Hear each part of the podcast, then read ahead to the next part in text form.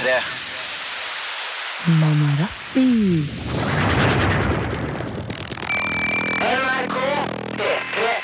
Klassikere fra P3-arkivet. God søndag til deg. Jeg heter Jonas og er arkivaren din eh, denne søndagen også.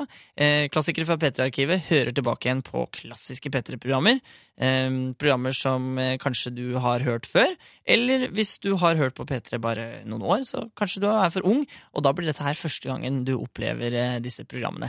P3 er jo 20 år denne her høsten. Faktisk i neste uke så begynner, eh, så begynner feiringa i morgen, på mandag.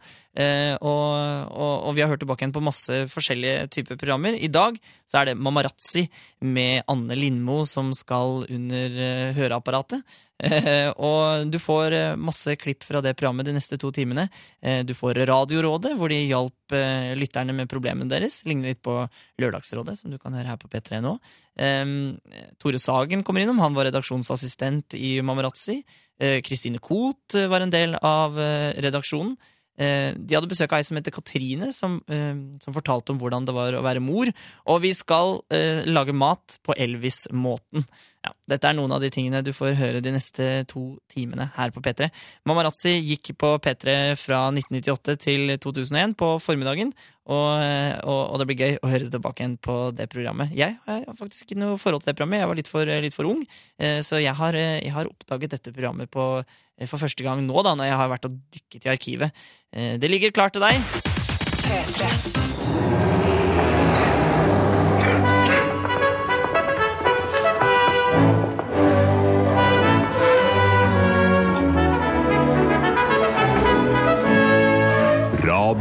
Radiorådet.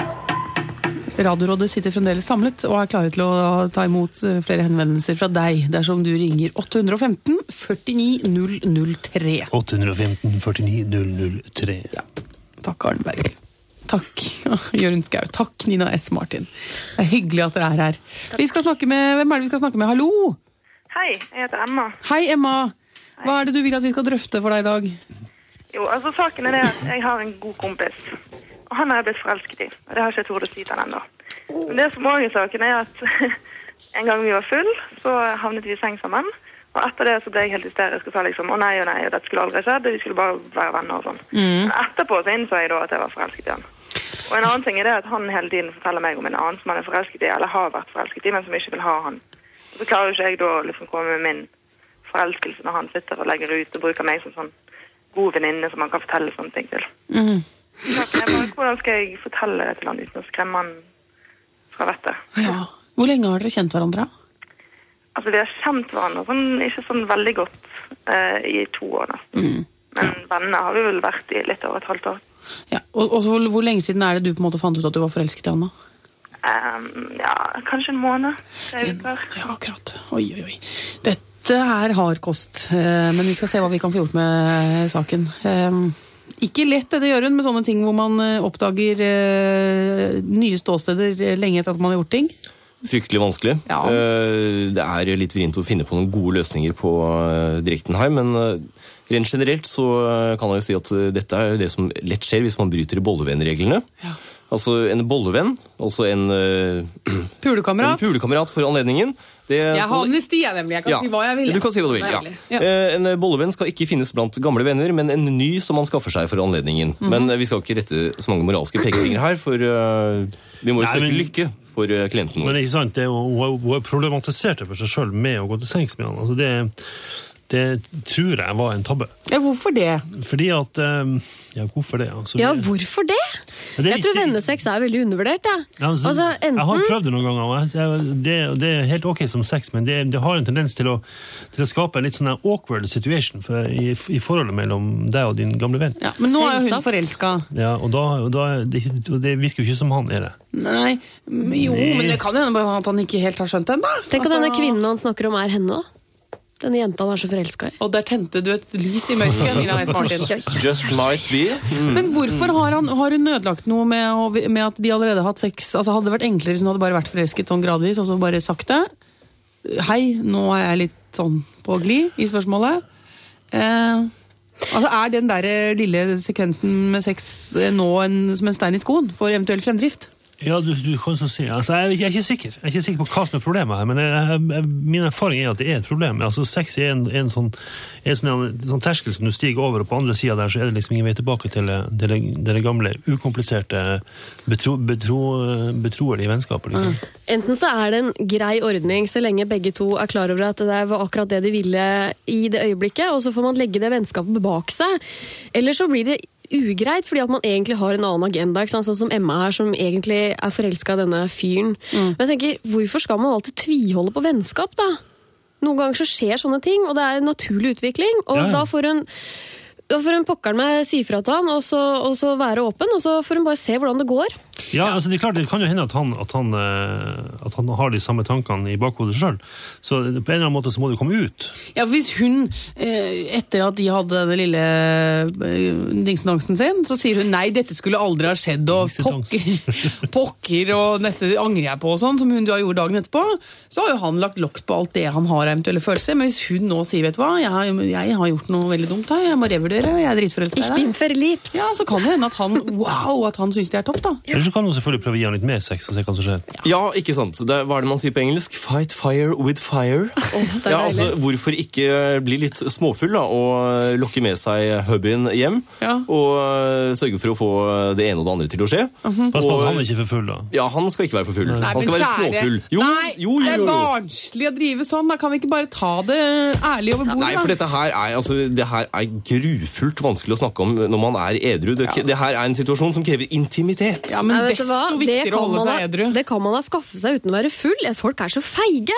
Kan ikke bare Ja, ok, så gå på fest og drikk sånn brus, da. Altså, spis tyggegummi, hva som helst, men få mer av hjem etterpå. Men uansett, ikke tvihold på det vennskapet, for at det er ikke sånn som det var uansett. Altså, det der er omtrent en sånn derre 50-åringer som skal gjenoppleve ungdommen, så kler de seg ut som russ, og så sitter de og drikker reint brennevin og kjører rundt i en rød Volvo. Jeg vil- jeg vil- jeg vil- funker ikke, men Hva altså. har dette med denne saken å gjøre? Det- det skjønte jeg din, ingenting av, Din gamle venn som en gang kastet kinaputt i mors vaskemaskin, han har blitt skottefut, og det kommer aldri til å bli det samme igjen. Ja, uansett, jeg skjønner ikke et ord av hva Nina sier. er Utrolig forvirret. jeg, vil si at det helt finnes, jeg vil si at det finnes en hel masse, masse håp her. Ja. Det gjør det. Ja. Jeg tror også det. Og vi vil gjerne høre hvordan det går. Fordi at hvis hun, hvis hun eh, gjorde det som, hun, eh, som jeg tror hun gjorde, at hun liksom lagde en veldig sånn eh, avstandtagen etter at de hadde hatt sex med hverandre, så la han lokk på alle mulige ting. Men jeg tror at liksom, har han vært ute på en gang, så kan han la seg lokke igjen. Ja, det tror jeg. Og da gjelder det å spille med åpne kort og si at jeg er Ja. pisseforelska i deg. Ja. Jeg kjenner få Kanskje, menn som står for det. Kanskje ikke bruke ordet pisse. Og vær edru. Vær edru. Jeg er dødsforelska i deg. Åh, det er deilig. Det er ikke så mange menn som står for det. Dødsforelska. Men det er mange menn. Hvis, Det er mange menn som syns at det er veldig deilig. hvis vi skal bruke pisse en gang til, så vil jeg si at det er mange menn som blir pissredde av det. da. Vi hører på Mamarazzi, og nå skal vi tilbake til år 2000. Eh, rett før eh, Jens Stoltenberg ble valgt eh, til statsminister for første gang. Og nå, det høres kanskje, altså, Da var han kanskje mest kjent for å være eh, veldig pen. i hvert fall høres det sånn ut når vi hører Anne Lindmo og Christine Koht snakke. Men husk altså dette her er, dette er, fra, dette er fra 2000, før han ble valgt som statsminister for første gang. Der eh, var Jocelyn Brown og Kamasutra vel i havn med, med eh, Happiness. Kot, Kristine, Ja. du syns at vi trenger litt intime, intimterapi i dag? På, I hele landet. Hele landet. Det ligger en et, Jeg kan ta et enkelt bilde. Det er en østrogentåke nå som ligger over det hele land. Ganske sånn tett på. Eh, antageligvis på flere kvinner. Se på ansiktsfargen min nå idet jeg tar opp forsiden av vegget og ser på bildet. Ja, det skjer noe Se, med deg. beskriv ansiktsfargen min nå. Det oser av deg. Altså, det oser eh, det, Du forandrer deg totalt. Greia er at det er et svært bilde av eh, Jens Ja, men, Stoltenberg. men det var det jeg skulle si. Ja. Det som er sjukt og nifst, det trenger ikke å være det, for det skal jeg komme inn på etterpå. Men det som er sjukt, er at folket nå kommer til å stemme Arbeiderpartiet kun fordi de har lyst til å ligge med han. Og det gjelder deg også. Det gjelder de fleste kvinner i Norge i dag, og kanskje også menn, det vet jeg ingenting om. Men det er såpass mange, og hvis vi regner ut, jeg kan ta et raskt regnestykke, er fem millioner mennesker, 1,5 kjønnsmodne kvinner, og det er der jeg kommer inn. Ja, så det er 400 000, det står jo det i avisa at 400 000 Ja, ja, ja. ville stemt på Arbeiderpartiet. ja, men så er det mye svartetall. Det kan du regne Jens hadde kommet til makta, som vi kaller Ja, han. Ja. Og det er der jeg er klartenkt. Du hører jeg er mye mye roligere enn deg nå. Ja. Jeg er lesbisk, og av oss 1,5 kjønnsmodne Vi er også kjønnsmodne, men vi er 40 000 som ikke er, har lyst til å ligge med Jens Stoltenberg. Så du ser hva som foregår, altså, rett og slett. Ja, og dette eh, kaller jeg nifst eh, på den måten at det er underlivet på en måte som gir en stemme. Når du kommer i julen, så er det underlivet ditt som stemmer. Og det skal ikke være riktig. Og her tror jeg det er mulig å gjøre noe med det. Og den første regelen her er på en måte å gå inn og åpne opp for fantasiene. Ikke, si, ikke si 'å, jeg kunne tenke meg', Nei. men liksom oh, la det bli litt stort. Du, for du skal kurere oss. Ja, for eh, å ikke la liv, livmora styre. Ok, men ok. Ja, styre dette er et kurs, altså, rett og slett. Et enkelt Jeg noterer litt underveis, jeg. Gjør det. Ja. Ja, men jeg tror det kan gå ganske raskt. Um, og første trinn, det er å la fant... Altså, åpne opp, plom. Altså, la, jeg ønsker at Jens skal være min far, min mann, min bror, min onkel. Altså, jeg kunne ønske Jens var livet mitt, jeg vil handle brød med han. Sant? Jeg vil på safari med Jens, sopp, blåbær, multer. Ikke sant? Jeg kunne tenke meg å være sammen med Jens. Og ikke minst, jeg kunne tenke meg å ligge med han. Ta den ut. Istedenfor sånn, for å si nei, jeg er overhodet ikke interessert i Jens Stoltenberg, jeg er overhodet ikke interessert i han. Altså, jeg har aldri tenkt på han, for det er den andre veien. Å kutte, det er veldig farlig, for da blir det et sånt sort punkt inni der. Plutselig om 40 år så våkner du opp og har sinnssykt godt på Jens Stoltenberg. Altså, det er om 40 år, men det er viktig å gjøre det nå. Ja vel, så vi skal åpne opp. Det er første trinn. Ja. Andre trinn, det er Og da må du være dønn ærlig med deg sjøl, og det er på en måte å gjøre det. Altså å ligge med han. Rett og slett gjøre det. Ikke bare sånn pirring og litt sånn småtassing, men det er å gjøre det. En rask penetrering. Altså, jeg ser det fort. En rask, rask samleie. Og det er samme som å være utsatt for å få tre i huet. La oss vært utsatt for å få vedstabel i hodet, da, så må du igjen og igjen og igjen oppleve vedstabel, vedstabel, vedstabel, vedstabel, liksom, bjørk, bjørk, bjørk. Du må, du må på en måte igjen og igjen og igjen oppleve det. Nå gjør vi det én gang, Ja. ganske raskt. Leve gjennom det. Leve gjennom det og ligge med han. I fantasien. Rett og slett gjøre det, og gjør det nå. Altså, nå snakker jeg, gjør det nå. Ja. Og nå kan spenningen være borte. Og så, nemlig nummer tre, sett på stemmen av Jens. Ja, Sett på stemmen Spør av noe Jens. Hør, kjærlighet er, er det intet er annet enn vind Oi, som suser i rosene, og derpå og hør av. Men spenningen ofte er den også som et ubrytelig seil, som varer deg, for Jens. livet, varer til døden. Jeg har ligget med deg, jeg Gud åpner åpner din. jakken har skapt din. mange slag, Det er borrelås. Oi, oi, alle klærne dine er borrelås. Mange av oss lever et veldig Du har en underbukse av borrelås. Og dermed får vi Oi, liten tid Du lukter brut. å dyrke Du har nesten ikke lilletå, jo. Du mangler hår på leggene, Og jeg Jens. tror at Så Jeg rart. tror at det er på en måte Så nå er spenningen oppløst. Altså, så lenge du har store nesebor du har. Ha forpliktelser og Oi, skal nå har du sett virkeligheten. unger Jeg har ikke lyst på deg lenger, Jens. så, så blir det Er vi kurert nå? Ja. Alle sammen? Nå er det ikke mer. Ja, men Så deilig, da. Da var det over. Det er deilig.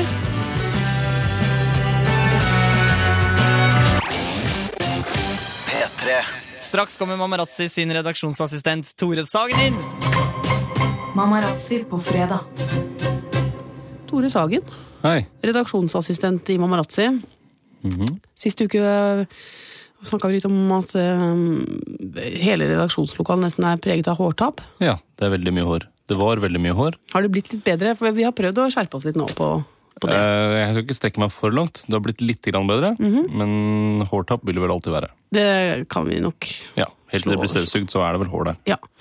Du uh, kuter til og fra med mye plater, gjør jobben din på en veldig eh, fin måte, syns jeg. Ja, takk. Uh, men noe, noe vi skal påpeke nå om siste uke. Ja, det har blitt en del rot i, oppi redaksjonen nå. Mm. Veldig mye rot. eh, og det er du som roter mest. Er det jeg som roter mest? Ja. Det er samtidig jeg som rydder mest, bare så det er sagt. Ja, det jeg hører at Du er veldig flink til å, å si 'nå må vi gjøre det', og 'nå må vi gjøre det', 'nå må vi rydde her', 'nå må vi rydde der'. Jaha. Men det, det blir liksom aldri noe av. Alt har et støvlag på seg, kan du si. Og det er- ser ikke så pent ut rundt pulten din. Det ligger blant annet bind. Det lå bind der i går. Mhm. Bind rundt hele pulten din. Ja, ikke Ja, det var i hvert fall mer enn to bind som lå der. Um, og det Jeg turte ikke å si fra, jeg. Nei. For jeg så godt kjenner jeg deg ikke. Ble du beklemt av det? Ja. Jeg, jeg, jeg stirra på det. Ja, ok, men Da skal jeg prøve å rydde de ned i skuffen sin der Ja, de bor. dere har, det er mye rot, og vi skal jo ha ryddedag nå. Ja. Det, Når ble det? det blir på torsdag. Blir Neste torsdag? torsdag. Okay. Og da har jeg bestilt container til oss, Mhm. sånn at vi kan kaste en del ting. Eh, da er det jo mye sånn tull som dere har der. Eh, dere har en del rare ting. Eh, Jeg vet ikke om vi skal kaste dere ikke. Hva, hva syns du Eller hva er, hva er det du har lagt merke til da? Vi er blitt litt sånn hjemmeblinde, vi, vet du, Tore. Ja, Dere er mye sånne rekvisitter som jeg ikke tror det er noe vits i at dere har. Som for eksempel, eh, jeg ser at dere har eh, en negerkam. Sånn som man grer sånn negerhår, sånn afrohår. Ja. Eh, Det trenger dere ikke. Vi er jo for et flerkulturelt samliv, selvfølgelig, men jeg kan ta Eh, selvkritikk på det. Vi kan gå og kaste den. Ja. Eh, Så har dere en del hatter, i hvert fall en sånn cowboyhatt, som jeg ser går igjen. Veldig mange som bruker den katten. Jeg, hatten, unnskyld. Ja. Eh, Det, det ser jeg ikke noe vits i å ha. Den har vi fått av Jan Vardøen. Ja, men Det spiller ingen rolle om dere har fått av Jan Vardøen, om dere har fått den av Jan P. Sysas, for den saks skyld. Men okay. ja. Den må ut. ja. Og så globusen din, Anne. Ja. Hva skal du med den? Den er pen. Nå, akkurat nå har pæra gått inni deg, men jeg syns den er så pen. Jeg skrur den på, særlig når du kommer til å se utover når høstmørket kommer, at eh, det er hyggelig om morgenen å skru på globusen og få en sånn fin glød. Minner meg om eh, loftet hos mormoren min, hvor jeg sov da da jeg var på besøk hos henne. Der hadde de globus. Og den skrudde de på, for de hadde ikke noe sånn nattlys, så at jeg skulle se trappen når jeg skulle gå ned og tisse. Ja, ok, Så det er sånn, ja ok. Jeg skjønner, men da må du enten sette ny pære, eller så kaster vi den nå. Eh, Noe mer? Ja, det er en del sånne ting og tang som står rundt omkring. Ja. Eh, og det, dere lager jo mer rot hele tiden. Mm. Eh, blant annet så tar dere ting fra hverandre, og så blir det liggende på pulten din, og da der ser det ikke så pent ut igjen. Tore, jeg skal ordne opp i dette. Og hver onsdag så fikk de besøk av en kvinne. I dag Elsa Lystad.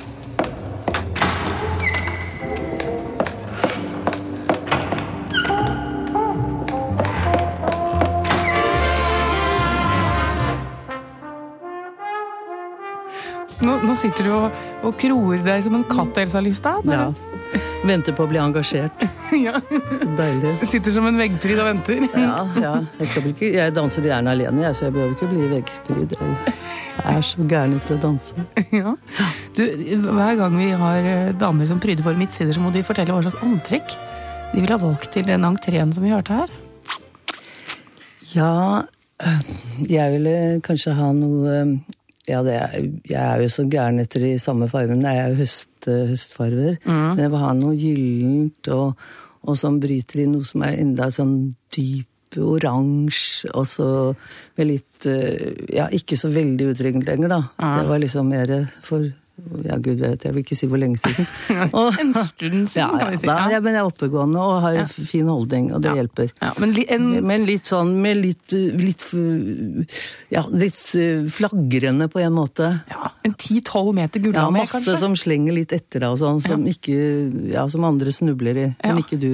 Ikke sant? Det være noe sånt. Legger slepet bak, så Jeg det er de andre bak, som basker basker med det. Har du sett sånne bruder og sånn? Mye brudepiker? Veldig, veldig Hvor du liksom får det der nøkket. Å gud, nei, det Hvor du ender med å dra brudepikene opp midtgangen selv ved egen muskelkraft. Begynne å hjule dem opp. For. Ja, men da ser, de, da ser de det for seg der ute, Elsa Lystad. At du er, du er innhyllet i en, en, en, en 12-15 meter gulla med, Ja. med skjær mot bronse. Ja, noe sånt. Det er nydelig. Mm. Jeg er veldig nysgjerrig på, på For nå har jeg funnet ut at du var kontordame i Dagbladet. Ja. Var du, var, du, Noe galt i det nå. var du dritt dårlig til å gjøre den jobben? Ja, Ja. jeg var det. Men jeg var veldig til stede. Jaha. Jeg hadde det veldig morsomt. Mhm. Og jeg tror de andre hadde det litt morsomt òg, for sjefen min han var i hvert fall ganske ålreit. Og jeg spilte, jeg, spilte, jeg spilte en rolle der. Ja. Og selv om jeg ikke gjorde den bra, men jeg gjorde noe bra på fordi at han likte litt, og han hadde sett litt amerikanske filmer og sånn, så han, det var jo annonseavdelingen dette her, men så han kalte gjerne til et morgenmøte, og der var jeg alltid for sent og hadde ikke fått spist for jeg bodde så veldig nær, så jeg hadde alltid en dame på abonnement som kokte egg for meg og sånn, Ja. og hun sa bare sånn, tar du det da, altså, men det var jo ikke meningen at hun skulle avbryte der inne og rope, lysta, egget ditt er kokt og sånn, du vet det, helt, helt ødeleggende, men da så vi på annonser og uttalte hva, hvem skal vi skrive brev til i dag og sånn, jeg kunne touchsystemet da, så okay. vidt. Men du var sånn kontordame sånn, altså med Ja. samlede knær og en liten blokk og Jeg hadde litt sånn, men ikke, jeg kunne jo ikke stenografere, men jeg, jeg skrev brev da. Og sjefen min var litt, han hadde litt sånn, han var litt sånn Bjørnson når det gjaldt å skrive sånn eh, appellbrev til Middelfart og disse her firmaene, at de skulle avertere i Dagbladet. så jeg var kjempeflink til å spise masse mat som jeg hadde i skuffen. Og den var lå, da husker jeg så godt at han kom i full fart og skulle hente noe han trodde lå der som, som jeg hadde. så var Der lå alle egga til Nei, han kom, ja, det var en åpen marmeladekrukke som jeg hadde glemt å ta på lokket, og der var han rett oppi den da. Og så hadde vi litt oppgjør da. Ja. Så du fikk dagen, dagen til å gå med å Ja, sutte litt på litt marmelade? Snakket, ja, men snakket mye i telefonen. Mange, det var det han sa når jeg sluttet, så sa han at eh, det var, du har nok vært en av, en av de dårligste kontordamene jeg noen gang har hatt, men du verden så hyggelig det har vært. Og så morsomt, og ingen har snakket så mye private, hatt private samtaler, og pluss skrevet privatbrev, for du må ikke tro annet enn at jeg har sett det. Jeg skrev jo sånne headinger med liksom til firmaer, bestevenninner og så, og skrev masse brev. og så hadde jeg telefonskrekk. Ja. så jeg var en veldig god. ideell sekretær. Men, men hva var det som altså Det finnes jo mange store dramatiske talenter rundt omkring, ikke sant? Blant, Mm. blant uh, sentralbord og kontorpulter. eh, som, som vannsmekter og dør og aldri. Ja. får det til. Hva var det som gjorde at du klarte å røske deg løs, da? Jeg var født, jeg er født til det.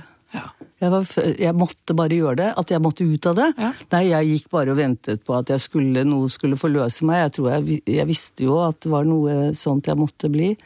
Og, og så hadde jeg Ja, da var det noen som sa du kan kanskje begynne å lese med en skuespiller, og, og så traff jeg henne, og så blir vi omgangsvenner, og så syntes hun jeg var så rar, og så sa hun ja, du hører til på scenen du, Elsa, sa hun, og det er ikke noe annet sted for deg. Elsa Listad, kul dame på besøk hos Anne Lindmo i Mamarazzi. Eh, straks så får vi det nærmeste man kommer en mammablogg eh, i år 2000. Donna immobile, la la la la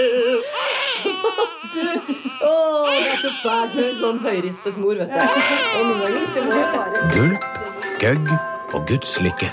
Ditt livs tøffeste eventyr.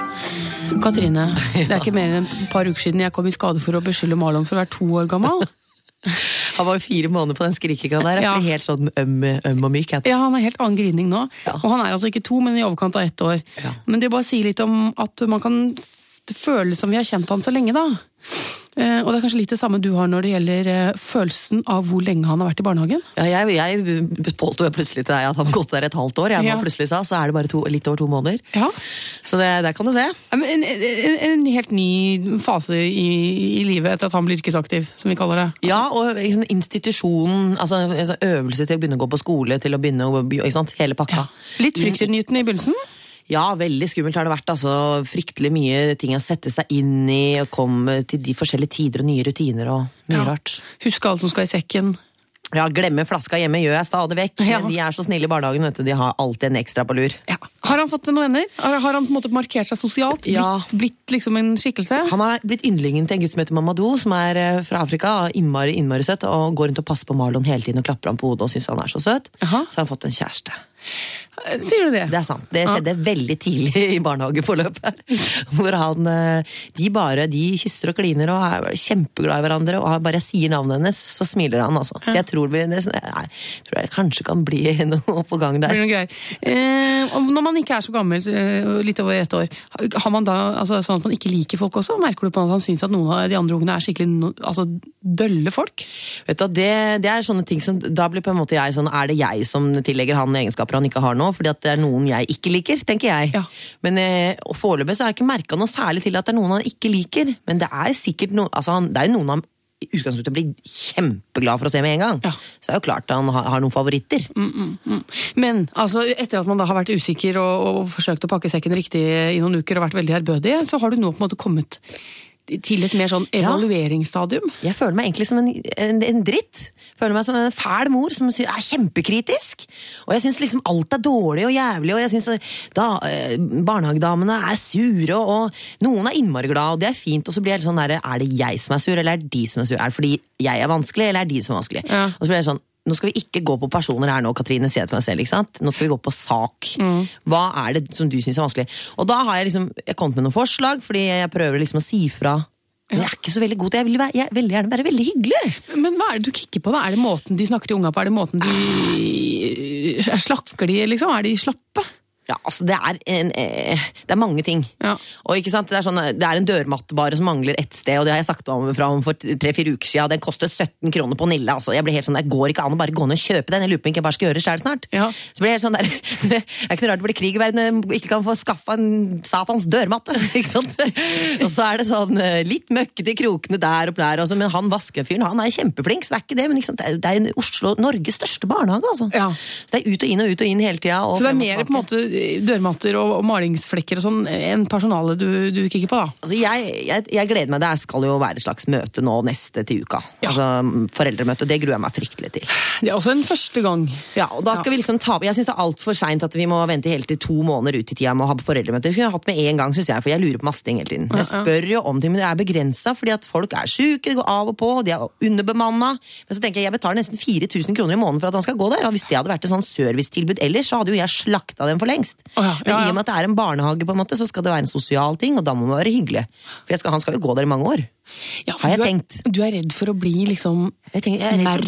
Ja, hun der, Marlon er kjempekoselig, men hun mora, hun er fæl, altså! Jeg har ikke noe lyst til å bli hun derre Å nei, der kommer hun, hysj, hysj. ikke sant?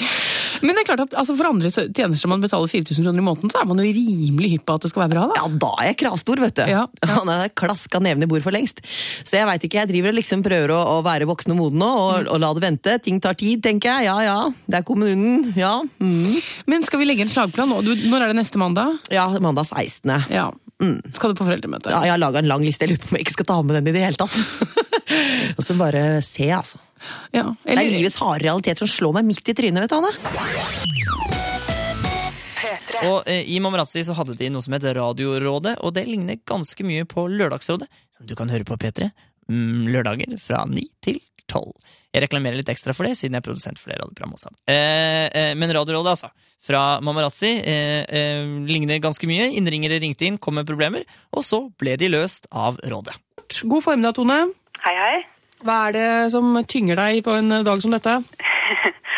um, det jeg har lyst på hjelp til, er å komme unna eller lære meg å leve med sånne våte, klissete nusser fra sånne små siklebarn som kanskje akkurat har spist også. Ja vel. Du, du sliter med friksjon, med friksjonsøvelser med barn under, eh, under skolepliktig alder? Ja, prøver å leve med det i hvert fall. Men, hvorfor skjer dette? Det har jo noe med tillit å gjøre, tror jeg. Fordi at det, altså, mammaene liker å vise fram hvor glad barnet ditt er i deg. Se nå, nå skal du få en nuss, liksom. Ja, akkurat, ja. Så det er liksom mor som holder frem lille pode og sier 'gi tante Tone en nuss'? Ja. Det, jeg prøvde å si fra en gang, og da får du nesten den derre Nei, kom, så går vi. Tante liker deg ikke. Ubehagelig. Ja. Ja, Um, og hva nøyaktig ved disse litt sånn ferske nussene er det du ikke liker?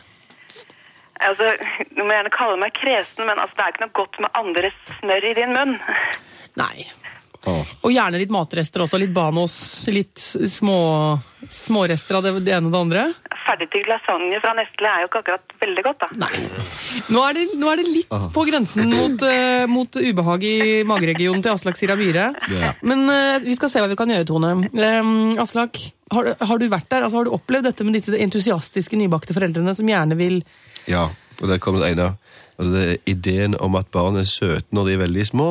Det er det ene ideen som må forkastes. Barn er ekle og siklende når de er veldig små, og det kan man ikke noe for. Men hvis man, det er ens egne barn, så liker man det jo likevel. Ja. Og så er det neste som er ideen om at barn absolutt skal like alle andre. For det er jo et konsept her som er sånn at barnet skal få entusiastisk vise sin glede over andre mennesker. Ja. Og til voksne mennesker så vet man at det er noen mennesker du ikke tåler trynet på. Du, du trenger ikke klappe eller klemme eller kysse de hver dag. ikke sant?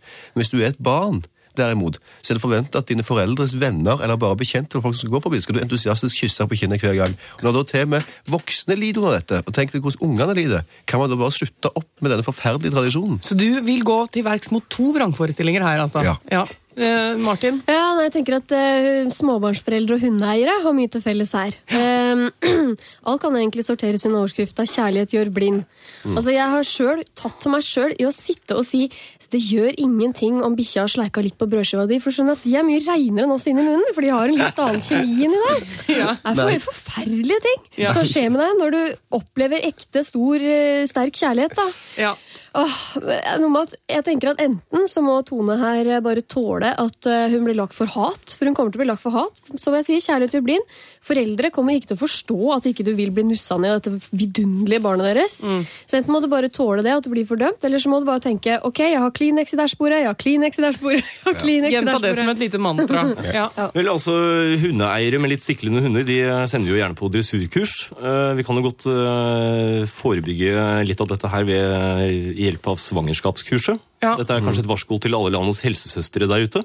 Om å legge inn et lite kurs. Om å legge inn et lite kurs i barns eh, kroppsvæsker, og at det kanskje er lurt å trene opp barnet i å gi klemmer framfor nussing og pussing på eh, litt eh, sånn fjernere relasjoner. Ja, hva er gærent med et ordentlig håndtrykk? Altså, Nemlig, nemlig, nemlig. Men, men det er også sånn altså, foreldre bør, altså Dette er jo et foreldreproblem mest av alt, for du kan ikke forvente alt av dette barnet. ikke sant? Mm. Uh, og det er sånn, Man forventer jo av et menneske at man holder klærne sine rene, f.eks. At man har rene klær på seg, og ofte at bilen er ren. forventes det òg sånne ting, at huset ditt er rent i det hele tatt. Hva med ungen din? Ja. Går det ikke an å forvente at man da så, Den foreldreplikt å gå med den Kleenexen sånn annethvert minutt? Ja. I hvert fall før kysseseansene. man klargjør litt for kysseseanser? Ja, absolutt. Og dette, her, altså, dette er litt av de samme mekanismene som inntreffer fordi eh, når du for eksempel promper. Din Mm. egen promp den kan jo lukte interessant, andres lukter vondt.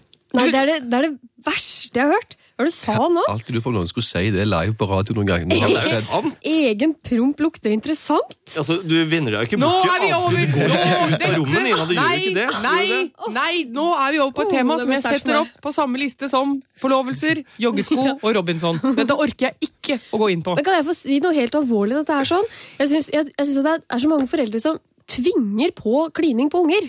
Altså, Jeg satt på en trikkeholdeplass her en gang, og så så jeg et barn som, eh, sammen med mor som sier 'kysse bestefar', 'kysse bestefar'. Bestefar sitter og skjelver ved siden av ikke sant? med ja. lille grå hatten sin og stokken.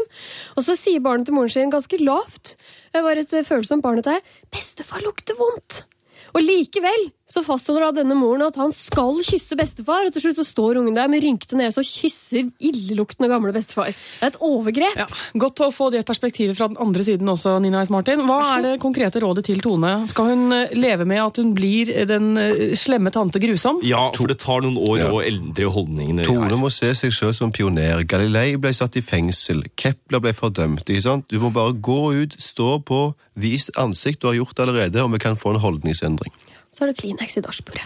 Ja, Kleenex i dash... Hvorfor i dashbordet? Kan du ikke ha det i veska? Ja, ok. Kleenex Kleenex i veska. Høres mye kulere ut å ha det i dashbordet. Ja, ha det i dashbordet. Lykke til, da. Petre. Hør på klassikere fra P3-arkivet. Jeg heter Jonas og er arkivaren din denne søndagen også. Vi hører på Mamarazzi med Anne Lindmo fra rundt år 2000. Eh, nå skal det handle om Beatles og om planter. Klaus Høiland, det er vel noen hver av oss som har sittet og stirret og stirret på coveret til um, Sgt. Peppers Lonely Hearts Club Band. Uh, men du ser på en måte kanskje litt andre ting enn, det, enn de, de, de fleste, da. Uh, du har laget en oversikt over hvilke planter som fins på forsida der. Ja, det er riktig det. Du kan si at eh, En av de store hobbyene til Beatles-fan på å begynne med var å prøve å finne ut hvem alle fjesene var. Det var jeg også veldig opptatt av. Men etter hvert ble jeg også litt opptatt av å finne ut hvilke planter som egentlig var der. Skal vi bare ta eh, lista? Hva er det som, er det som fins? Ja, det kan vi gjøre. Det er, eh, hvis vi bare tar en artsoppramsing, så er det hyasinter. Røde, gule og blå. Så er det gule aurikler. Så er det stuasalia.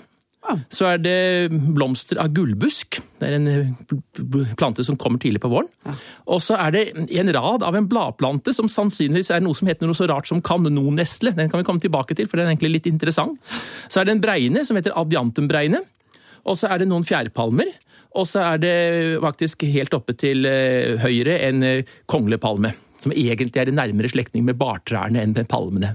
Akkurat. Du, eh, man har jo sagt ofte at det, har vært, eh, altså det er liksom hasjplanter på forsida av dette coveret. Ja, altså Det er jo det som er det morsomme med sånne ting, at eh, ryktene har en tendens til å leve sine helt egne liv. Og hvem som fant de hasjplantene der, det skjønner jeg ikke. fordi at det er i hvert fall ingen botaniker som noensinne har funnet den raden med hampeplanter som skal etter sigende pryde coveret. Det kan ikke være kanonnesla, da? Jo, det er det jeg tror det er. Altså Ser man litt på den, så kan den synes som den har sånne blad som kan minne litt om eh, hampeblad, men en botaniker avslører fort at dette ikke er hamp. Dessuten er bladene hele, og ikke oppdelte, fingeraktig oppdelte som hampebladene. Ja, så Det burde være lett å spotte, med mindre man er ekstremt dopromantisk, da, som man kanskje er hvis man eh, ja, Titte litt vel og lenge på den slags. Ja, altså Alle ville jo finne doprelasjoner i, i Sgt. Pepper, både når det gjaldt coveret og også når det gjaldt eh, sangene. Det var ikke den ting man ikke fant. Men du ser etter litt andre ting. og Du er altså biolog av yrke. Er det, er det, er det en slags sånn manisk yrkesstolthet som gjør at du eh, Klaus Høland, går gjennom Beatles-kanoen og, og, og leter etter naturelementer? Ja, du kan vel i grunnen si det. fordi at, altså, jeg kan jo si med en gang, Er det noe Beatles ikke liker, så er det å få sine ting endevendt. Og det har jo blant John Lennon vært inne på opptil flere ganger, til og med putta inn i sangene sine. Han hatet eh, journalister og forstå seg på det, som la inn eh, alle mulige slags tolkninger. Nå kan du jo si det at eh, planter og dyr de står på egne bein, man behøver ikke å tolke så forferdelig mye. Eh, Og det eneste som da kan man si har vært feiltolket, det er jo disse hampeplantene. da. Jeg kan tenke meg at han har vært ganske sinna på det der her også. uten at han, Det rare er at jeg aldri har uttrykt eh, det noen gang, at det ikke er hamp der, men det kan jo være at det er noe jeg har oversett også. Mm. Men altså, man tenker jo på, på The Beatles som et, eh, et produkt av det urbane livet. At Liverpool er en grå og skitten by, og at disse gutta hadde stort sett eh, eh, veldig sånn urbane referanser. Da. Men, men, men du mener at Liverpool var kanskje mer av en sånn naturperle enn det vi liker å tro? Ja, altså, du vet, det er det at engelske byer, mange engelske byer har store forstader. Og vi, eh, altså sånn at Du kan jo ikke bare se på den der grå, tette sentrumet, men eh, Beatles vokste jo faktisk opp i eh, en av forstadene, som i og for seg er en eh, hva skal vi si, en stor eh, villabebyggelse, nær sagt. Altså Ikke akkurat ikke prangende villaer, eh, sånn som vi tenker på det, men ålreite villaer eller hus å bo i, og omkranset av hager og parker til dess. Ganske store parker og kirkegårder, så det var, det var mye natur. I alle fall, i alle fall kan man si natur og kultur. Men selvfølgelig, relasjonene til Beatles og Downtown Liverpool, det er jo fordi at da de begynte å spille rock i denne kjelleren, så var jo det nede i byen. Det, det var det jo. Helt nede i den mest støvete delen. Men hvilke naturelementer er det de, da bringer med seg også ned i kjellerdypet? Eh, Hvis vi skal se på noen eksempler nå på, eh, på ting hvor du har funnet at det er helt sånn konkrete referanser. Ja, hvis vi skal se, hvis vi sier helt kjellerdyper, så kan vi si at der brakte det seg egentlig ikke noe som helst. Det er litt pussig at eh, naturtemaene som dukker opp, de kommer ganske seint i produksjonen, og de kommer også da, da Beatles ble et studioband, og tydeligvis hadde også fått en del, eh, en del annen kunnskap, fordi at de første sangene de tok opp, det var jo rene, dels det de selv skrev, og dels de, de lånte av andre, det var jo rene rocketekster med ganske urbant innhold, så det er vel ikke Love, love, love. og- Love, love, love and girls meet boys and uh, vice versa. Ja, Så du mener at det skjer på en måte noe opp under topplokket på dem, da, når de, når de da skrur om og begynner å skrive litt mer om natur og verden rundt seg og Ja, jeg, det gjør nok det, og vi kan vel si at noe av det topplokket Vi skal ikke se bort ifra at noe av det er også eh, bruk av eh, diverse sånne sansepåvirkende stoffer. Det sier jo John Lennon selv også, at inspirasjonen til Strawberry Fields kom jo i og for seg bruk av LSD. Jeg tror vi, er, vi må være så ærlige. Og jeg å komme bort ifra også at denne meditasjonsperioden som de var gjennom i slutten av 60-åra, hvor de traff denne guruen fra India, også kom til å utvide horisonten ganske mye. og det er typisk at du kan nesten sette sånn før og etter de møtte Maharishien. Og da kommer mange av disse her, hva skal vi si, litt sånn store natursangene, sånn type Mother Nature's Son og Dear Prudence og Because og de tingene, de kommer eh, først, godt etterpå. Og da er man over på en sånn økobevissthet og altså at det er denne type ting som legges inn i teksten, da? Eller? Ja, det skulle vært morsomt om Beatles hadde holdt ut litt lengre, fordi at noen av tekstene i eh, Beatles-repertoaret er såpass spennende og har en sånn slags form for kan vi si, holistisk kvasi, jeg vil si kvasiøkologisk, for det er jo ikke økologi egentlig. Iallfall ikke, natur, ikke vitenskapelig sett. Men iallfall de er litt sånn eh, ro- naturromantiske og til dels holistiske, altså sånn helhetsbilde. Og det skulle vært morsomt å fulgt dem videre. Paul McCartney ble jo veldig mye mer opptatt av naturvern og dyrevern senere. John Lennon ble mer fredsapostel. Ja, Men spor av det er det altså ganske tidlig. Eh, og så har du også eh, funnet ut at en, en ting er at man da har referanser til natur og dyr og, og, og moder jord osv., men det er også ganske mye dyrelyder som brukes som sånn, altså rett og slett musikalsk, da, som illustrasjon. Ja, det var noe av Beatles store gimmick, var å eh, både eh, produsere dyrelyder og så få dyr til å lyde. For det er jo en sånn morsom historie at på slutten av Sgt. Pepper, og den er ganske riktig, så har han lagt inn en sånn høyfrekvent lyd som gjør at bare bikkjer kan eh, reagere på den. Og det var veldig mange som lurte på hvorfor hunden begynte å gjø på slutten av Sarchen Pepper, eh, fordi at det var lagt inn denne tonen. Jeg er ikke helt sikker på om den er blitt overført på CD-versjonene, men iallfall på en LP-versjon så skal dette. Og det, det merket jeg faktisk selv da jeg spilte LP-en, at jeg hørte en sånn underlig krasj, vislelyd på slutten, og jeg lurte på hva det var for noe rart. Om det var noe feil på plata eller noe sånt. Og så kom jo den merkelige pratingen helt på slutten etterpå, så det er jo mye rart med den plata. Men, eh, Masse nytt å hente altså fra Beatles. Eh, Klaus Heiland, du er et vandrende eksempel på det. Vi skal fra Beatles til Elvis eh, straks her på, på P3, men først så får du Envy med Am I Wrong.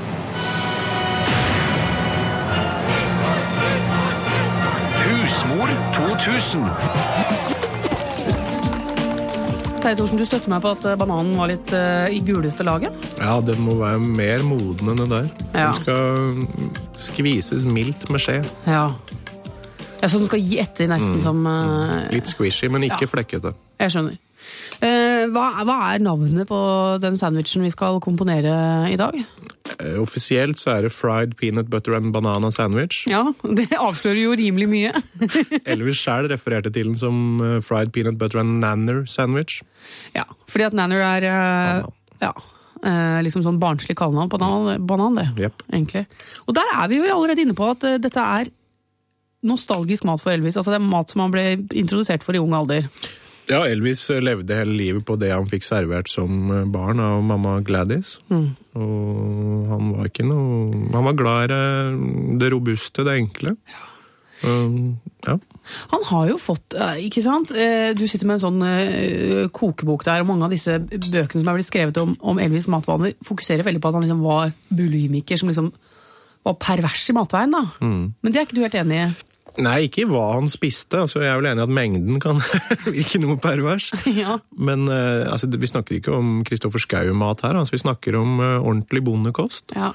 Og det Elvis elska overalt, var jo noe så enkelt som uh, bifftomater skåret i skiver. Det var det beste han visste. Han drev ikke og tøysa med å ta, putte sammen ting som ikke Nei, er ikke noe crossover eller sånn fjas. Nei, ikke sant? Grunnpilarene i Elvis Presleys matregime, hva var det? Skinke, bacon, fritert kylling, peanøttsmør, banan. Eh, Kaker. Ja. Og veldig glad i desserter. Ja. Og gjerne fruktdesserter. Og tomater. Mm. Denne, denne kokeboka som du har med deg, hvilken, hvilken av de mange som fins er det? Hvorfor har du valgt den? Nei, Av alle de jeg har, så syns vel jeg at Are You Hungry Tonight er den mest eh, ærlige kokeboka. Ja. De, veldig mange av de andre er sånn eh, ja, groteskerier og påstander om hva han spiste som han overhodet ikke spiste. Den her er basert på oppskriftene fra Graceland. Ja.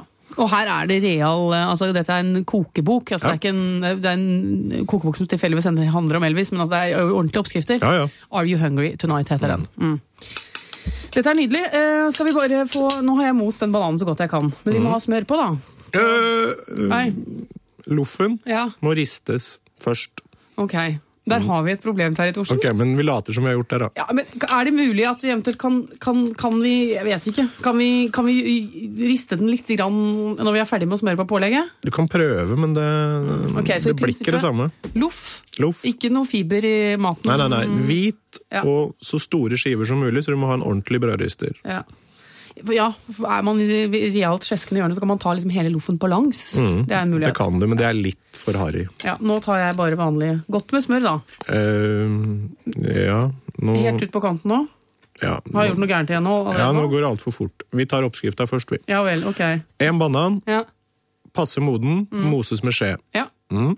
To, to loffskiver ristes veldig lett i brødrister, så de ikke engang blir lysebrune. Nei, så bare for litt skorpe. Ja. Smør banan, øh, most banan på den ene, Mm. peanøttsmør på den andre, Ok. Klasker dem sammen. Jeg har tatt smør på denne skiva. Mm, det er feil. Jeg driter meg ut. Smør i panna, Mm. og så hiver du dem oppi der, og gir dem, gir dem en skikkelig fin brunfarge. Okay. Og så skjærer du dem på skrå. Så enkelt og likevel så komplisert, fordi at Yep. jeg da klarte å, å goofe og gjøre feil. da. Ja, det der blir Det der blir noe annet. Det blir ikke en nanny sandwiches der, altså. Det der blir en. Annie tenker jeg. sandwich. Men du, hvordan veit vi at Elvis spiste akkurat dette her? Altså, hvem er det som har vært kildene? Den boka der er det barndommen og mora hans og sånn. Altså Brenda Butler, som har skrevet akkurat den boka her, hun har uh, vært Elvis-fan siden 70-tallet. Ja. Hun har skrevet andre Elvis-bøker, uh, og hun har gått til kildene og skaffa seg oppskriftene fra kjøkkenet på Graceland. Okay. Og akkurat den peanøttsmørsandwichen er jo den retten som Elvis oftest forlangte midt på natta eller okay. når som helst. da. Så det var en slags sånn, der, ja, sånn trøstespisegreie, liksom? At, eh, at om ikke, når alt annet gikk galt, så tok han seg en liten banansandwich, liksom? Ja, eller når han skal feire noe, eller whatever. Ja. Så det var ikke hamburgere, som folk påstår, men det var liksom frokost. det, Men når han trengte noe, det lille ekstra Ja. Så var det dette som vi sitter her og lager. Yep. Jeg føler at jeg kommer nærmere kongen. Jeg gjør det når vi gjør dette her. Ja, det er det nydelig. Åh, eh, Peanøttsmør har jeg et litt anstrengt forhold til, men det er liksom en av grunnpilarene i det amerikanske kostholdet, egentlig. Ja, så Det beste er å, å sjekke en av sjappene som har importert amerikansk peanøttsmør, fordi Mills er ikke amerikansk peanøttsmør. Altså. Nei, nei, nå sitter jeg da her med en Mills-burk i hånda. Jeg ser du er litt skuffa, Terje Thorsen, men det får vi bare ta. Det skal være glass med skrukork. Store biter biter eller små biter? Litt chunky. Ja, litt chunky. Ok. Men syns du dette ser bra ut sånn, rent bortsett fra at det er gærent? Ja, ja, det ser lekkert ut, det der. Det er svær nok. i hvert fall. ja, ikke noe tøys. Du, vi skal, vi skal eh, sende redaksjonsassistent eh, Tore Sagen opp i, eh, i NRK-kantinen for, for å foreta avstekningen. Mm. Um, og da denne, den allerede smørpåførte brødskiva kan jeg bare pælme. Men Ja. da klasjer jeg de sammen. Mm. Og så skal vi se hva, se hva da dette kan bli mot slutten av sendinga. Mm. Eh, Men eh, før du går, Terje Thorsen, må vi spille en liten låt. Mm. Eh, og matreferanser er det også flust av i Elvis-låter, ikke sant? Ja, det finnes en del låter som har oppskrifter og sånt. Polk Sarah Danny, som er altså, virkelig fattigmannskost. Men Elvis gjorde en god del rhythm and blues-klassikere, hvor du har veldig mye dobbeltbetydninger. Og de mest brukte metaforene der er jo mat og sex, eller kjøkken og sex. Altså røre Ja. i gryta betyr ikke å røre i gryta, for Nei. å si det sånn. Nei. Og Shake. Rattle and Roll er vel en av de virkelige klassikerne som var en hit med Big Joe Turner. Som Elvis spilte inn 3. februar 1956. Mm. Ga ut på singel i august 1956. Og så er det Det er bare koselig med sånne detaljer, Reid Thorsen. Det er deilig. Altså- Hvilken farve er det på coveret? Ikke sant? Eh, Singelen opprinnelig var hvit. Ja, riktig. Men uh, det er bare å høre etter katter og sjømat, eksempel. Para med, spesielt para med nylonstrømper og sånn. Det blir ganske snacksy, det. Ok, Men da kan man tenke enten på, på, på en måte det bokstavelige eller på den doble betydningen, alt ettersom hva man er i humør til på en fredag. Takk skal du ha. Jeg tror dette kommer til å smake fortreffelig. P3. Og vi har altså sendt nå vår peanut butter and banana sandwich i eh, ekte Elvis-ånd eh, som en stafettpinne da fra meg og Terje Thorsen her i studio med Tore Sagen, redaksjonsassistent, som nå står og kremter oppe på kjøkkenet til Rikskringkastingen. Terje, nei, nå holdt jeg på å kalle deg Terje. Tore, mener jeg. Eh, Tore, ja. Ja. Har du, har du fått låne kokkeluen til Leon i dag? Jeg har ikke fått kokkelue, jeg har fått sånn eh, Kripos-drakt. Å ja, sånn som du skal sikre bevis med? Sikre bevis med, ja. Så Så ikke du legger inn noen, noen, noen, røytende bevis på kjøkkenet? da, ja, det er vel stor fare for at jeg gjør det. Hva er det du gjør nå? Har du funnet en stekepanne? Jeg har funnet en stekepanne, nå legger jeg, har jeg oppi smør. Ja. For jeg måtte vente til den ble varm, skjønner du, sa hun eh, kokka. Ja, det er lurt. Ja. En eh, svær klump. En Svær klump, ja. Ja, ta, en, ta en sånn type to-tre spiseskjeer, så det blir sånn ordentlig dam. Ok, er Det er sånn 30 gram, da, eller? Nei, gram er jeg ikke så opptatt av. Nei, for det er sånn gram her, skjønner du. Ja, ja, men ta, nei, ja, ta 50 da. 50, ja. ja ok. Herlighet, det skal da ikke stå på det. Nei. For det vi... Det er vanskelig, skjønner du. Hvorfor det? Ja, for det er... for er... du holder mikrofonen med den ene hånden. Ja, og så driver du smør. Kan du ikke få en liten hjelpende hånd? da, Nei, det går bra der nå. Ok, okay. nå- Nå hører du hører du at du surrer. Fint. Pass nå. Men pass på da, Tore, at ikke det blir eh, du skal, Det skal skumme, men det skal ikke bli sånn at det- det oser av deg. Nei. Så da må du skru ned litt. Ja, ok. Jeg, jeg syns det funker bra nå. Det blir sånn fine bobler. Det... Ja, men det skal ikke holde på med det for lenge, for da blir det svart. Ja, ok. Så nå kan du trekke den litt fra. Ja, ok. Jeg gjør det. Gjør du det nå? Nå har jeg gjort det. Ok, nå hørte jeg at du gjorde det. Ja, Jeg hører akkurat hva du gjør, skjønner du, så nå Jeg kan ikke jukse. Nei. Så nå tar du um, sandwichen. Nå skal jeg legge sandwich oppi? Ja. Ja, ok. Er det noe spesiell side om? Er det peanøttsida som må være ned, eller? Jeg vet ikke om det er noe logikk i det der, men det sa ikke mm, Terje Thorsen noe om. Det skal kanskje snus? Ja, ikke sant? Ja. Da legger jeg den rett oppi. Det blir veldig, sånn- litt sånn sølete. Ja. For det er veldig mye sånn smør. Ja, for det, ja, det, er, det det som er greia, for det skal trekke inn. Ja, ok. Det skal ikke stå på plata nå, altså? Jo, nå kan du sette den på litt igjen, men Ja, du skal skru ned kanskje sånn mid... La, altså, si, hva er det det er da? Er det tusentall eller åtte, ni, ti? Altså? Det er ikke så lett, for det er sånn industri, industrigreier, skjønner du. Så her. Det er ekstra varm da, kanskje. Ja, den er veldig varm. Ja. Vi får se. Det blir bra det her nå. Ja. Du syns det er et ålreit avbrekk, Tore, du som vanligvis bare sitter og skriver masse ting på computeren din, at du får lov å løpe litt rundt? Det er ikke som å føre statistikk, for å si det sånn. Nei, skjønner du. Ok, men nå lar du den ligge og gose deg seg på den ene siden. Det blir sånn fin skorpe. Snur du. Hvis Mm. Ja. det da har absorbert alt smøret, så synes jeg du skal bare fleske på med litt til. Ja, det er masse smør igjen. Ja, fint. Ja. Og så snur du den, sterkere like mye på andre sida. Skal jeg snu nå? Nei, når den har stekt litt. Oh, ja, skjønner. Ja. Og så kan du komme ned igjen. Ja, ok. Mhm. Greit, det. Ja, Skynd deg, da. Greit, ha det. Jeg klarer ikke å få satt ordene i rett rekkefølge, Tore Sagen. Nei, jeg hører det. Fordi at det ligger mat foran meg. Du er så glad i mat, du, da. Ja. Hjemme til alle måltidene. Mens jeg og Anne Rygg snakket om Liv Ullmanns biografi, så sprang du øh, gjennom gangene med Elvis-sandwichen vår. Mm, det gjorde jeg. Eh, Det knirker litt i deg, Tor. Ja, jeg har på meg, sånn, jeg har på meg den ennå, jeg. Den Kripos-drakta. Fin Kripos-drakt som Ja. du fikk det på, på kjøkkenet til NRK.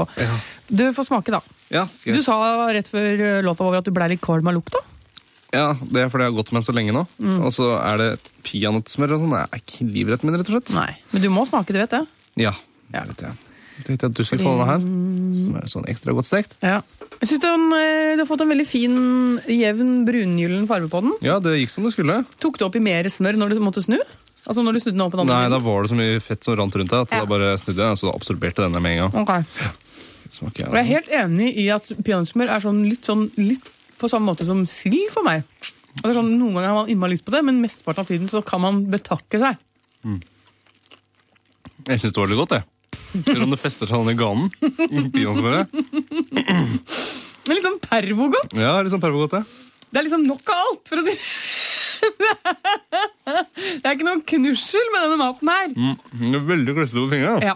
Bra jeg har på meg. Men vet du hva? Min konklusjon er Mm. at Elvis skjønte noe. Han, han, han, han hadde på en måte en, en stor sannhet som han bar på, og det er det at um, basal mat er på en måte mer, det er mer trøst i det enn en sånn fiks mat. Skjønner du hva jeg mener? Ikke helt. Men, um, men det hørtes riktig ut. Ellers, ellers da, Tore, uka i Mamarazzi i femte etasje, er det noe, skal vi bare si at nei, det er ikke noe mer å kommentere på enn at det, det smaker sånn middels godt med Elvis-mat? Er det noe annet? Um, jeg tenkte du skulle si hvordan det har gått med ommøbleringa. Ja. Vi har hatt ryddedag og ommøblering. Ja. Vi har blitt skjøvet litt ut fra selve kjernen av kontorlandskapet. Føler du at du har kommet på utsida av vår kommunikasjonsflom, liksom? Ja, Å? det føler jeg. Er du ekskludert? Ja, Jeg føler meg litt sånn ekskludert for det. Ja. Men altså, jeg vil si det, du fikk se Elvis-trusa til Ragna Nordenborg i dag. Ja. Og da kan man ikke si at man er ekskludert. Da er man i aller høyeste grad på innsiden, Tore. Jeg trives utsiden. Ja. Vel, vel. Vi skal tilbake igjen til eh, Radiorådet. Programleder er Anne Lind. Mamarazzi på mandag.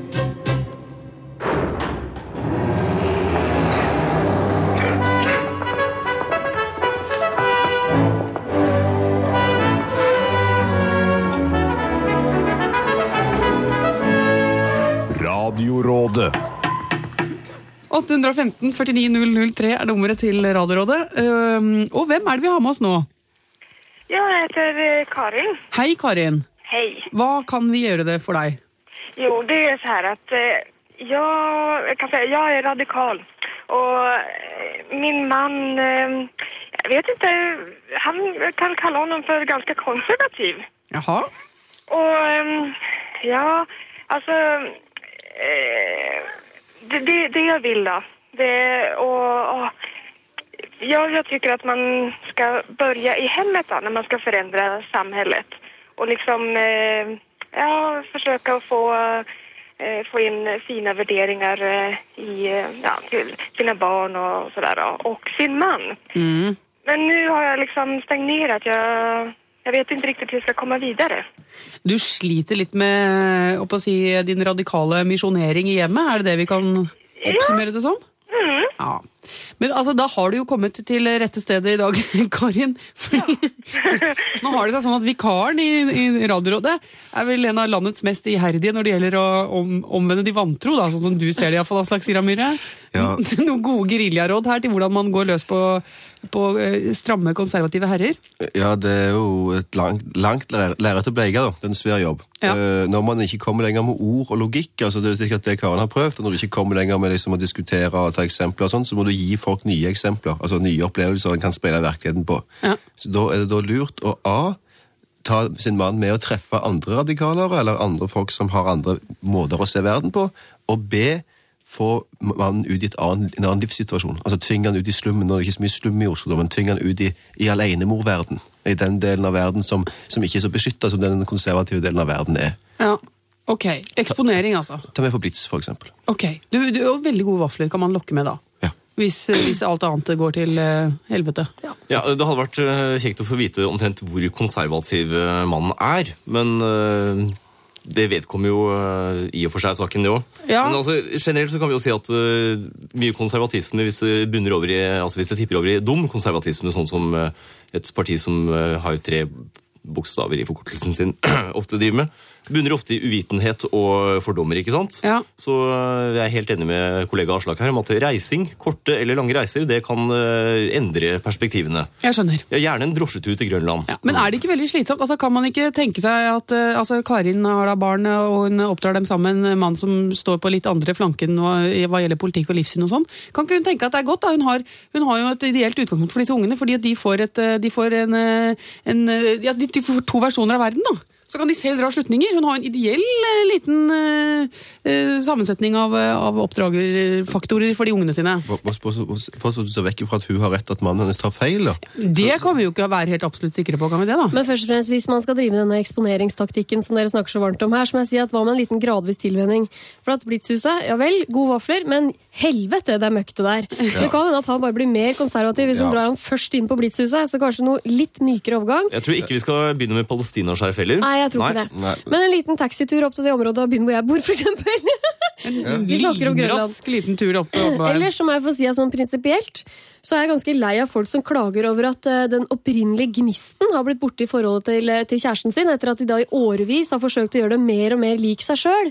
Så kanskje hun burde tenke at ja vel, hva hvis mannen din plutselig sitter der med palestinaskjerf og, og, og oppfordrer henne til å bli med på konsert på Blitz i kveld? Eh, kanskje hun ikke syns det er så innmari spennende lenger? Altså, konsensus er dølt.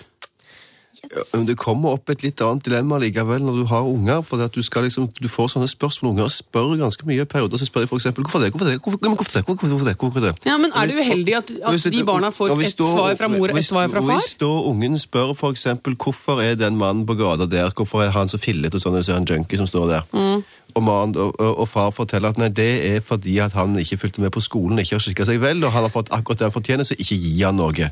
Og spytt gjerne litt på han når du går forbi. Eh, det er klart at Hvis ungen din får høre det fra en autoritetsperson som far, tross alt det gang på gang, og du kan ikke være med sida hver gang og si nei, det er ikke sånn det er, og det finnes mange forskjellige grunner til at dette skjer, og sånn. Så det er klart at da kan du plutselig ende opp med at ungen din helt uspontant spytter på en junkie når han går forbi og ser at dette er et forferdelig menneske, og sånn, og får et sånt menneskesyn. Og det er ikke så kjekt når det er på ditt barn. altså. Ja, men nå har jo Karin sagt at hun er, hun er gift med en fyr som er konservativ. Han er jo ikke, han er jo ikke helt ravende gal, kan vi vel regne med. Hvis er- du, det er ikke nødvendig å begynne å spytte på junkies selv om du er med i Unge Høyre. Ja, Altså, altså, det er ikke noe direkte sammenheng der. Aslak Sira Myhre, har- har- har- Aslak Sira har du- Myhre, har du glemt å ta pilen din? Har du prøvd å gå på Frogner og se hvordan junkiene blir behandlet? Nei, jeg bor ikke på Frogner, men det gjør du. Karin? Er det junkier på Frogner? Karin, jeg tror rådet altså, støtter deg iallfall til dels i at du må prøve å, å revidere din mann, øh, men at du skal drive med en sånn mild eksponeringstaktikk, tror jeg da må være svaret fra oss. Ja. Og så er det også da Det er liksom bra råd, ja. ja. Det var The Lumineers med Stubborn Love på klassikere fra P3-arkivet som eh, pakker eh, snippsekken for i dag. Er denne snippsekken egentlig er for noe? Ja, men skal ikke snakke om det. Eh, neste uke så er det bursdagsfeiring her på P3, og, og jeg er tilbake igjen med klassiske klipp på søndag også. Eh, og så må du høre på Espen Thoresen sitt bursdagsprogram på, på mandag klokka to. Eh, det blir gøy. Jeg er produsent for det programmet, så da kan du høre meg gaule i bakgrunnen. Eh, har du lyst til å laste ned podkast fra dette programmet og høre tilbake igjen på ja, Karate med Alexander og Kristoffer Schou, eh, Irma 1000, eh, Holger Nilsens metode, P3 Morgen, Et Norge i krig, alle de fantastiske programmene som har gått på P3, så kan du gå inn på radio.nrk.no og høre sendingene i sin helhet. Ellers kan du laste ned podkast altså, på nrk.no podkast. Yes, det var det jeg hadde å si. Håper du får en eh, fin eh, søndag videre. Hør flere podkaster på nrk.no podkast. P3.